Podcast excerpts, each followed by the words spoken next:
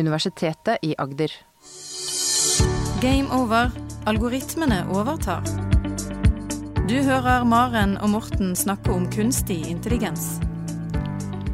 Kunstig intelligensoppfinnelsene har kommet som perler på en snor de seneste årene. Som avanserte algoritmer som kan spille brettspill bedre enn stormestere. Språkalgoritmer som til tider kan forveksles med ekte mennesker. Og avanserte diagnosesystemer basert på kunstig intelligens.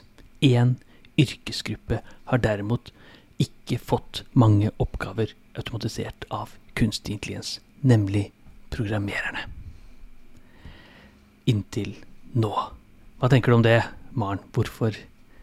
Ja, hvorfor er det sånn?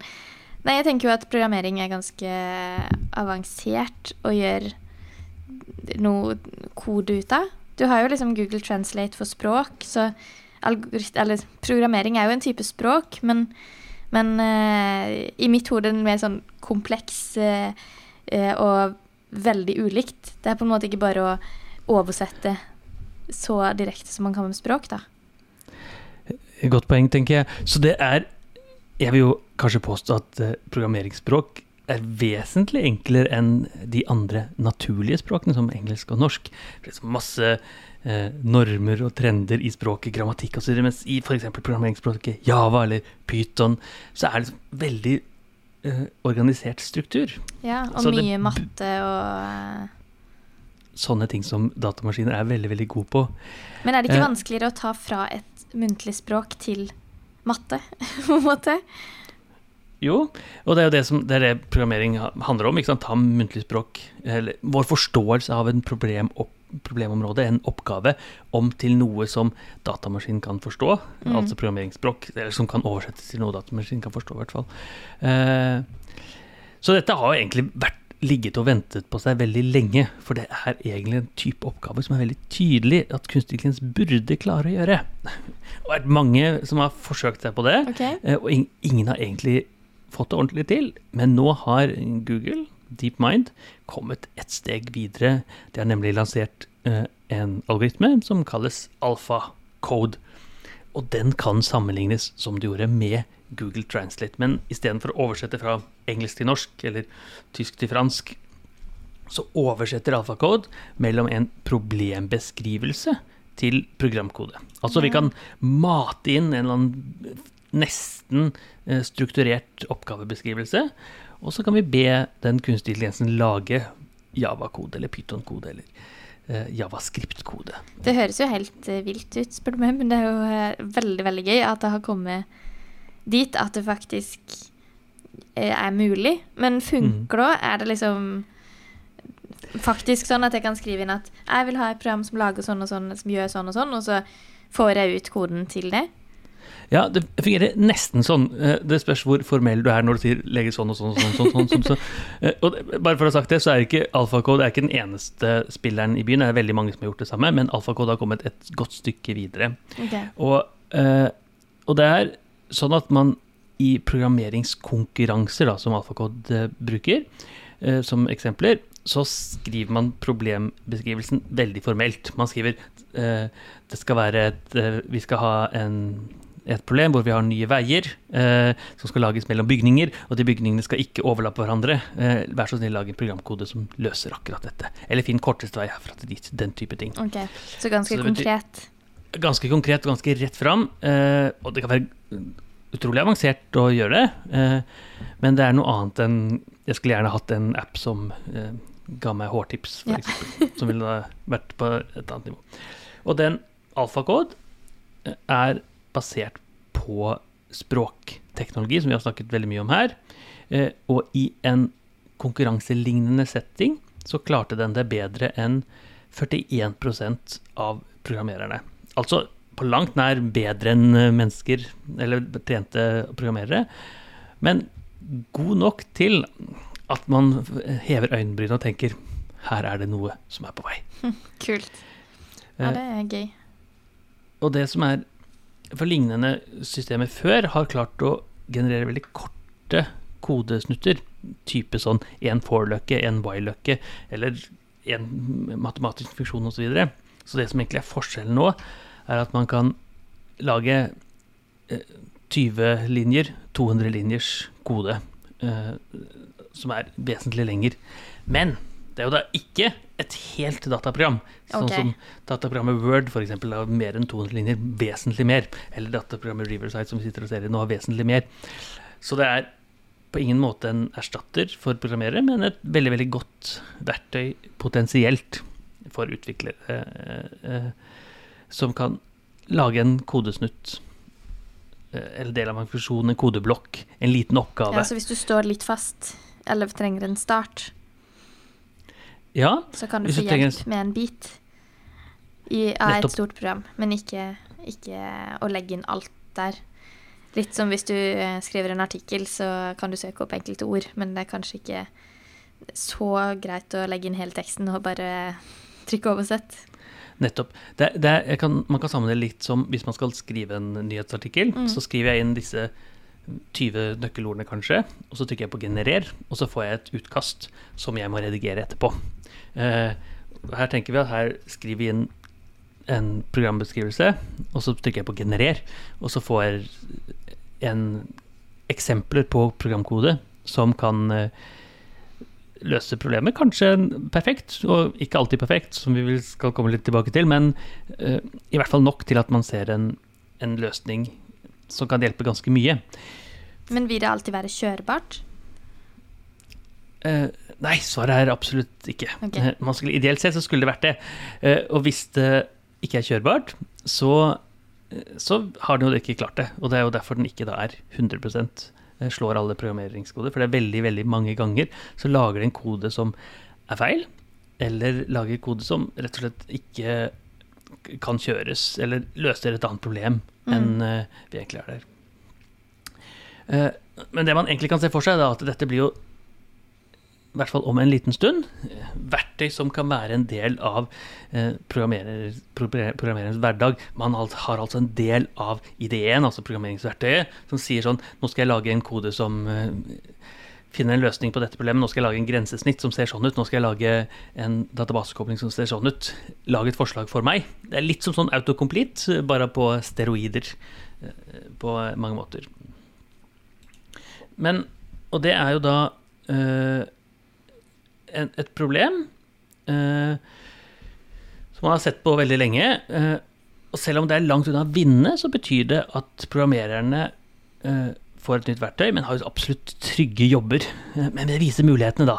Støtten programmererne kan, og utviklerne kan få med kunstig intelligens, kommer helt klart til å eh, endre seg drastisk de neste årene, basert på AlphaCode. Vi, vi husker kanskje AlphaGo, vi husker AlphaZero og eh, AlphaFold. Eh, nå er det liksom en ny sånn Alpha, AlphaCode. AlphaCode. og den følger jo trenden til disse store språkmodellene, altså som vi snakket om GPT3 og flere andre. Og, men jeg tenkte vi kunne forklare litt grann hvordan den er bygd opp, for den er bygd opp litt spesielt, og den har noen begrensninger som vi tenker, som jeg tenker det kan være lurt å eh, drodle litt på. Mm. Eh, men først, da. Hvordan er den bygd opp? Eh, fire, fire steg som vi skal gå litt nærmere inn på.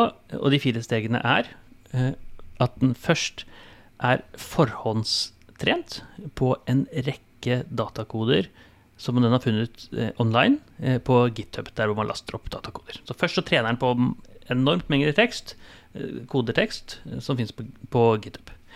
Og så finjusteres det med eh, programkode, programmeringskode som Google har valgt ut. Så disse programmeringskodene skal vi justeres finere på. Og så genererer den et stort antall forslag til løsninger på en eh, programmeringsoppgave. Og så Som, en, som noen har lagt inn, da. Denne, da genererer den en helt ny. Eh, Altså, så, altså etter at man har trent opp med både forhåndstrent og finjustert, så sender man inn et problem, Mm. og så genererer den ja, så man har sendt inn et problem. Noen mennesker har sittet og sendt inn et problem. For eksempel, f.eks. finn korteste vei fra eh, Norges eh, hovedstad til Sveriges hovedstad, men du må maks gå innom tre byer. Typ. Ja. Eh, eller et helt annet, mye mer avansert problem med det. Og da genererer eh, algoritmen, alfakode, eh, et stort antall, tusenvis, eh, kanskje eh, titusenvis av eksempler. eh, som er da på en måte forslag. Okay. Og så er det en siste del av algoritmen som filtrerer vekk disse, sånn at han, den får maks ti forslag til slutt. Og disse ti forslagene sendes inn som oppgaver til konkurransen. Så disse får programmereren, programmereren tilbake som disse får forslag. Ja. Ja. For det, i disse programmeringskonkurransene så er det sånn at du har ikke bare ett forsøk, forsøk, du har ti forsøk. Det er litt som skal du hoppe på ski, så kan du hoppe tre ganger, tror jeg. Og så er det liksom det beste hoppet som gjelder med forskjellige regler, selvfølgelig. Her er det sånn at du kan sende inn ti forslag. Og det Mm. utnytter Google DeepMind litt, for da kan du da ti forslag som forhåpentligvis er en av de gode, da. Stilig. Men åssen er den velger ut den siste biten, som da skal velge ut av den, de mange tusen forslagene som har kommet? Eh, Ja. Kjører den det og prøver å se om det funker, eller hvordan hva, hva er det den sjekker opp mot? Vi kan, vi kan godt begynne der. Så eh, det, det er akkurat det den gjør. Så når den da har fått generert eh, disse eh, tusenvis av eh, eksemplene, så skal den da filtrere ut, altså bare inkludere de som består testene. Og da er det flere ting den gjør. Og det er eget, en egen kunstig intelligens som passer på at dette, at dette er riktig. Og der er det egne eh, modeller som både kjører og tester at den går gjennom. Altså kompilerer den i det hele tatt, denne koden, eller gjør den ikke. Og så, eh, og så er det en egen, som, egen eh, tekstklassifikator som ser på og analyserer koden som er dyttet ut. Eh, og den eh, skal da si at jeg tror disse ti er de mest sannsynlige som passer inn. Eh, mens disse 990 passer antakeligvis ikke inn, da. Ja, de kan vi kaste det er sånn e- fra oss. en- Ja, helt riktig. En egen kunstig intelligens som passer på at, den pass, at disse skal være relevant. Så kunne man tenkt at hvorfor bare ikke mate den kunstig intelligensen inn i den første, sånn at man ikke spytter ut mye søppel. Og det kunne man selvfølgelig. Men her er det altså flere sånne kunstige intelligenser som spiller ball med hverandre litt. Grann. Og litt av poenget er at de er veldig gode på en del ting, og så har man en, en egen som er god på å se på. Er dette koden som passer til den beskrivelsen på slutten? Så det er egentlig på en måte flere algoritmer inni Det er flere algoritmer. Det er jo fire stykker, kanskje. Ja. En som trenes på store mengder, en som trenes på små mengder, en som genererer, eh, og en som filtrerer. Gode på hvert sitt. På hvert Men lærer de sånn som, i, sånn som i Google Translate, så er det vel sånn at hvis du retter, så vil den Altså jo flere som bruker det, og jo flere som retter, jo bedre blir den, da. Er det Mm. sånn med den nå? Rett, har vi noen mulighet til å liksom gi den tilbakemelding på at nei, nei, hallo, her er du helt ute å kjøre? Så, så i dag så er det ikke en tjeneste som er ute, sånn som Google det er en tjeneste som jeg og du kan bruke. Det er en tjeneste man kan teste ut på DeepMind sin sider. Mm. Og da er det prinsipielt ingen grunn til at man også kan mate inn informasjon, sånn som du snakker om nå. Men det er ikke lagt opp til nå. Så, sånn som de har gjort det nå, er at de bare eh, følger denne overvåkende supervised-metoden. Altså du trener opp først, og så er det en eh, massiv mengde kodebit som kan generere kode. Men akkurat det du sier der, det er jo det som egentlig er styrken. ikke sant? For hvis jeg er en bedrift som har en måte å programmere på, eller jeg har en bedrift som har en måte å programmere på, mens du har en bedrift som har en helt annen måte å programmere på, eller har en helt annen eh, database man kobler seg på, eller helt annen måte å tenke grensesnitt på, så er det liksom det man skal lære seg. så hvis jeg plutselig har en nettside som eh, har en helt annen design enn en annen fordi jeg har brukt en kode eh, enn det som følger helt annet design enn det som følger den generelle trenden til bedriften, så er det veldig dårlig. Mens her kan jo da, i hvert fall i teorien, lære seg også den lille biten du har. Og, og det er poenget, egentlig poenget med at den først trener seg med store mengder tekst, og så finjusterer den etterpå. Så da kan man prinsipielt da eh, trenes opp eh, Kjøpe eller leie en eller laste ned en sånn modell som er trent opp alt mulig, og så kan man trene seg på min egen datakode. Eh, som jeg har lokalt i min bedrift, og så kan jeg få den til å være veldig god på, eh, god på mine trender, eller min måte å programmere på. Eh, for hvis vi går litt steg for steg her, så kan vi se den første biten, den som trener seg med store mengder tekst, den har lastet ned 715 gigabyte med programkode, som er mye. Men det er ikke Altså, det finnes mye mer kode der ute. Men, men hvorfor tar den ikke mer, da? Ja, kanskje kunne vært enda bedre å tatt mer. Det kan godt hende de har sett at eh, la oss prøve med dette, og så får vi se om vi kan uh, dytte mer. For det, det må jobbes litt med, eksempelvis. Så, nei, for det første så er det jo Du trenger mye datakraft for å trene opp, så mm. koster millioner av kroner å gjøre det. Så kanskje de har sagt nok er nok. Ja. og, og, så er det, og så kan man se når man trener disse kunstige klesene, når det blir bedre. Uten å spekulere, men kanskje har de sett at nå er den, god, den er så god den ja. blir med disse dataene. Eh, men de har trent forskjellige typer modeller. De har trent en modell som har 1 milliard parametere, synapser og det som vi har snakket om også, og helt opp til 41 milliarder, som er egentlig ganske store modeller. Så Fordelen her er at de har, det de gjør, er å maskere ut deler av koden. Altså hvis du har en forløk eller en programkode eller noe sånt, så fjerner du et ord i koden, og så skal den prøve å gjette hvilket ord mm. som er borte. Da, det er oppgaven til algoritmen, liksom? I den første biten der, ja. ja. Og da kan man i prinsippet bare pushe på så mye man vil. Det eneste de må passe på, er at det ikke den koden som trenes opp, også er den som havner i testfasen. For det er Da får man eh, en feil eh, forståelse av hvor god og nøyaktig den algoritmen er. Så man må ha litt sånn rydding, for den skal trenes opp, og skal den verifiseres etterpå. Og de, mm. må, de data må separeres. Så det er litt jobb for mennesker for å passe på, men stort sett veldig lite, da. Og så, når det er gjort, så har eh, Google-gruppen tatt kode eh, som De har lansert en ny kodedatabase som heter Code Contest, hvor de har samlet en rekke programkoder som de har spesialutvalgt, eh, som er sånne type programoppgaver. Eh, altså sånne som gis i konkurranser. Og da En av de heter Code Forces, en av de heter Description to Code, en heter IBMs CodeNet. Som er sånne Her har vi en rekke konkurranser, her har vi resultatet, og så kan man forhånds, og skal man passe på at de kodene passer. Og da har man jo allerede fått en liten forståelse av det. Uh, uh, og dette kan jo sammenlignes med at hvis jeg først lærer meg å snakke, og så lærer jeg meg å snakke innenfor et fagfelt, eller først lærer jeg meg engelsk, og så lærer jeg meg eh, britisk-engelsk eller mm, et eller annet etterpå. Mm. Den, den, type tanker. Du får en overordna forståelse før du kan gå i dybden på Akkurat dette problemet du har. Eh, og så er det denne genereringen, eh, det som kalles sampling. Altså lager vi da tusenvis, og noen ganger til og med millioner av koder som alfakode genererer. Eh, og her er litt kritikken, da, for det er litt sånn type Uh, uendelig med aper som prøver å skrive Shakespeares samlede verker. Mm. Altså, til slutt så kommer det noe fornuftig. uh, har man masse datakraft, kan man pushe på uh, parallelt uendelig, eller i hvert fall veldig veldig mange aper. så får man et eller annet fornuftig. Og det er litt det de gjør her, er i hvert fall kritikken. Mm. Og så Mens omtrent 10% av det de genererer der, kan kjøres i det hele tatt. Der kan man kompilere og trykke play. Mens 90 er rett og slett så søplete at det ikke, at det ikke er noe å hente ut. Så det er egentlig litt, på en måte litt sløs med datakraft og den biten å generere så mange som ikke funker?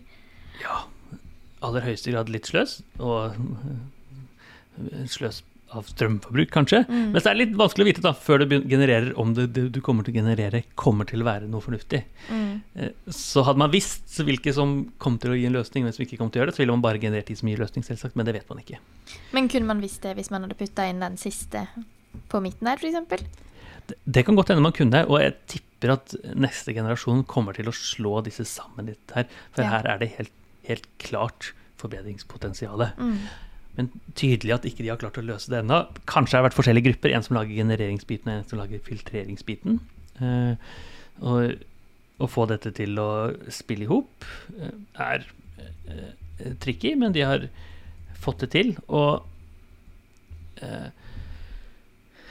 Men muligheten er liksom helt klart enda bedre. Det er veldig mye mu muligheter her mm.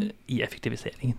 Både i mengden tekst som er trent med, og mengden tekst som genereres.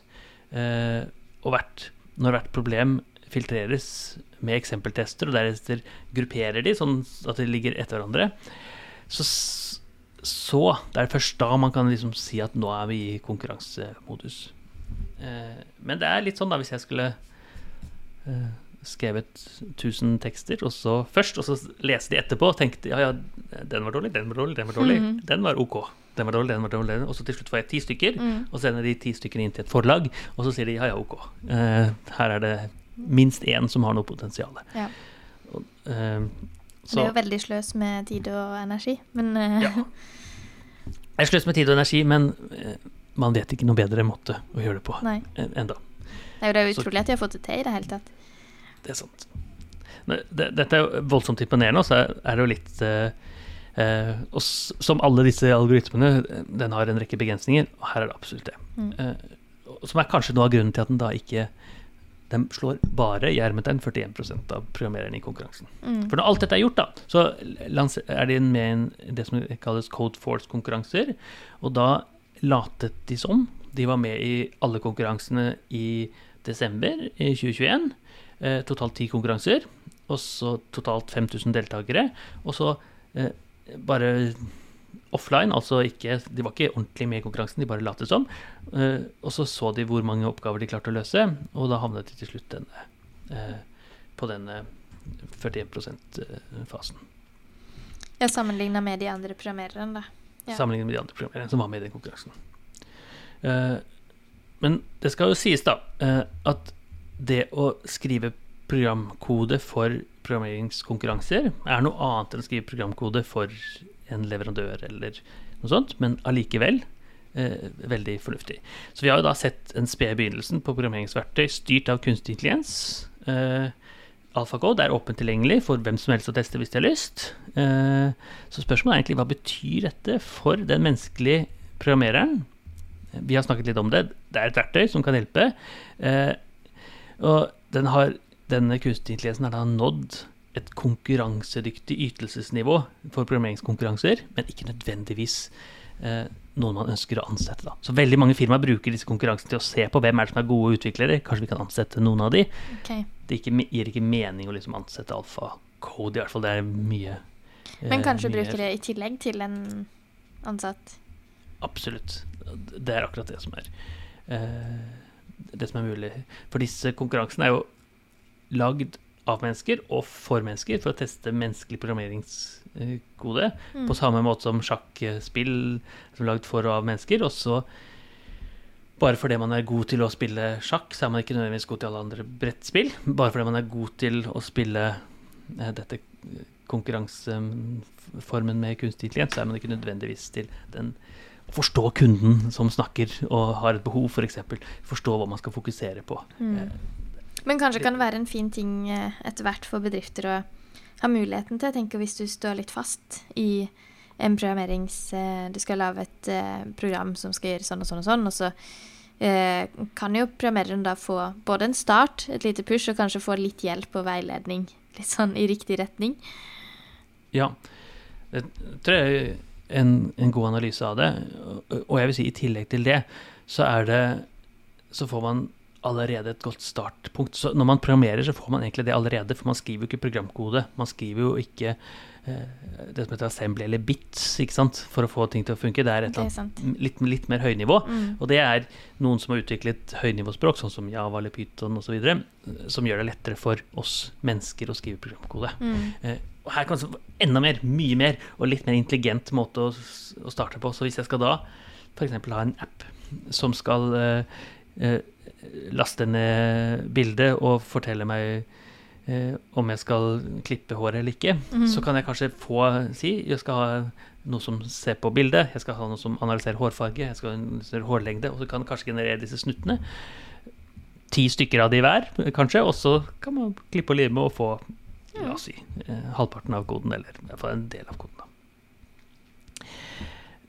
Så er, det, det, er, eh, det er noen begrensninger, og en av det har vi snakket om disse Det er nærmest sånne uendelige mapper som lager hemmelighet her, men det er et par ting til også. Og eh, problemene eh, blir vanskeligere når løsningen blir lenger. Altså eh, vi, De tidligere programkodemetodikken har klart sånn veldig få linjer, og klart dette. Eh, AlfaCode klarer 20-linjers programmer, kanskje 25 osv. Eh, og da krever den ca. 1 million forsøk for å få 34% av 20-linjersprogrammene riktig. Det er ganske, ganske morsomt. Og hvis vi da tenker at man skulle lagd en 200 linjers programkode, da, som ikke er veldig lang programkode egentlig, med 200 linjer, eh, så, eh, som er en standardoppgave i en informatikkprogrammeringskurs eller noe sånt. Hva kan det være, eksempel? Det kan f.eks. være lag en, eh, en kalkulator som eh, kan plusse og minuse. Ja, og da er du ca. 200 Ja, kanskje enda litt mer enn det også. Eh, og da vil du da teste 10 opp de 60 ganger, og da er vi på sånn type eh, nesten like mange atomer som det er universets mulige ganger. Så her er det Dette er dyrt. Det er dyrt, altså, og er praktisk umulig, egentlig. Ja. Eh, for det Da kan man heller bare ansette en, eh, en førsteårsstudent da, til å lage den koden ja. for eh, en pizza og halvliterbrus, liksom. Eh, men altså, det, det er begrensningene. Man skal selvfølgelig ikke se for mye på de, for de, blir løst snart. Men allikevel, det er, en, det er en stor begrensning, for det programkode er mer enn 20 linjers snutter. Men vi kan konkludere med at det er en god start. Det er en veldig god start. Den andre begrensningen er jo også at du må ha veldig velformulerte eh, problemformuleringer. Sånn som det er i sjakk. Eh, Altså Problemet med sjakk er veldig velformulert, mens det virkelig, virkelig verden er jo mye mer kompleks. Og i hvert Mm. fall i, og også i en programmerers eller utviklers hverdag. Hvermannsen kan ikke komme og skulle lage et program via dette. Nei, eller i hvert fall veldig litt lite program, kanskje. Ja. Eh, og så må det en del til. For jeg tror helt, helt som du har sagt flere ganger, at dette er en, å teame opp med programmereren dette er. Mm. I hvert fall i all, all overskuelig framtid. Så kan det jo være at det er sånn som i ikke sant? I begynnelsen så var det eh, sånn at man hadde kunstig intelligens som løste litt, grann, med deep, eh, deep blue og alfago osv. Og så blei de så gode at Magnus Carlsson lærer fra disse. Det tok ikke mange år før det skjedde, og det kan jo være at det er dette som også er i ferd med å skje i eh, programmeringsverden. Her får vi et lite verktøy som kan hjelpe litt på vei. Så sier vi det er å teame opp med, med kunstig intelligensen for å programmere som er løsningen. Men jeg tenker at det er løsning på relativt kort sikt. 10-15 år, så har vi da en som kan løse mye lenger, lenger kode, og får en programmerings... En veldig, veldig annerledes hverdag for eh, programmerere. Så har vi Selvfølgelig en, del spe Ja. selvfølgelig en del spekulasjon i det, men en helt annen situasjon. Uh, I hvert fall hvis vi tør å se litt inn i språkhula. ja, det blir spennende å se. Hvor fort tror du neste generasjon kommer av dette? Så dersom de følger de samme trendene som de språkalgoritmene har gjort, mm. så er det råfort. For nå har vi bare sett muligheten. Eh, og nå sitter det tusenvis av eh, utviklere og forskere og tenker ja, det her vil jeg være med på. Jeg vet hvordan man kan gjøre det. Kanskje kan man slå sammen fase tre og fase fire, sånn som du foreslo. Helt sikkert andre som tenker på det. Så jeg tror neste generasjon kommer eh, i løpet av noen måneder. Utvilsomt. spennende. Ja, da må vi ha en oppdatering i podkasten når det kommer ny, eh, ny generasjon. Det, det må vi. Og så kan vi anbefale alle lyttere til å gå inn eh, og teste ut AlphaCode. Det kan man gjøre på bare søke etter AlphaCode eh, DeepMind. Så kan man teste de forskjellige modellene, for, for teste forskjellige programmeringsoppgavene og se hva den genererer. Og hvis man ikke blir imponert da, så eh, ja, da bør man lav, senke terskelen for å bli imponert. Ja. Det er imponerende også. Da er man eh, for god. Ja, da Altså, folk blir imponert av forskjellig, men i hvert fall jeg, da, blir imponert av, eh, av hva DeepMind har fått til her. Eh, For, lyttere kan selvfølgelig også sende inn spørsmål, kommentarer. Eh, Hvilken e-post er det de bruker da? Gameover, krøllalfa, ua.no.